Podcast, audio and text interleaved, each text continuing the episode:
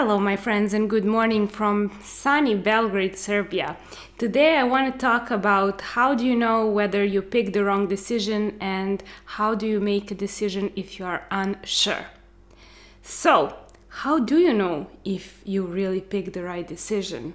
You don't. You never will. You never can know because you are not God. You can't see how the life rolls out. But what you do know is that it is crucial to make decisions fast and on daily basis the better you are the more you do it the better you become the better you will be at making decisions. If you want to be an entrepreneur, you need to be very good at making fast decisions and you need to not obsess over it. If you make a mistake, you are not going to bully yourself for making a mistake. You're going to reward yourself, you tap yourself on the back because you made a decision, you were not playing the game of overwhelm and procrastination. You don't know that the decision is right, but you do know that something called you to make it. So you have some calling in your heart that made you pick one decision over another one. So that is something that can be a comfort to you. You do know that something called you to make that decision. Maybe it's a lesson you need to learn, maybe it's a challenge you need to overcome, maybe it's something that really makes you play on a bigger level in the future.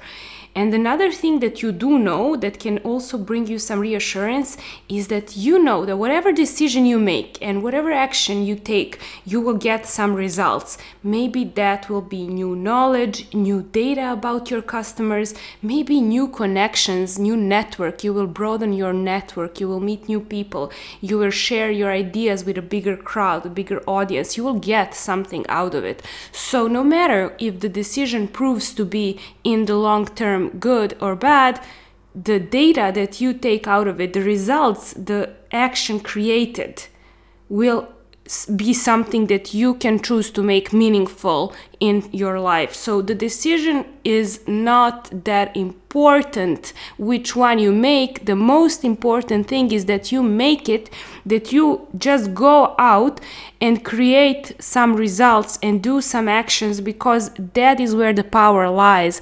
When you make a decision, it is just for me acquisition of new data, of new connections, of throwing my idea into the world, of getting feedback, getting some good and bad comments on it and improving. So don't obsess over whether the decision is going to be good or bad because you don't know that. Just do what is needed and make a decision and stay stay with your decision and act on your decision and then rely on those two things that just provide some safe of sense of safety in your heart and in your brain and those two things are the, the decision doesn't matter the result does and the result always brings some data.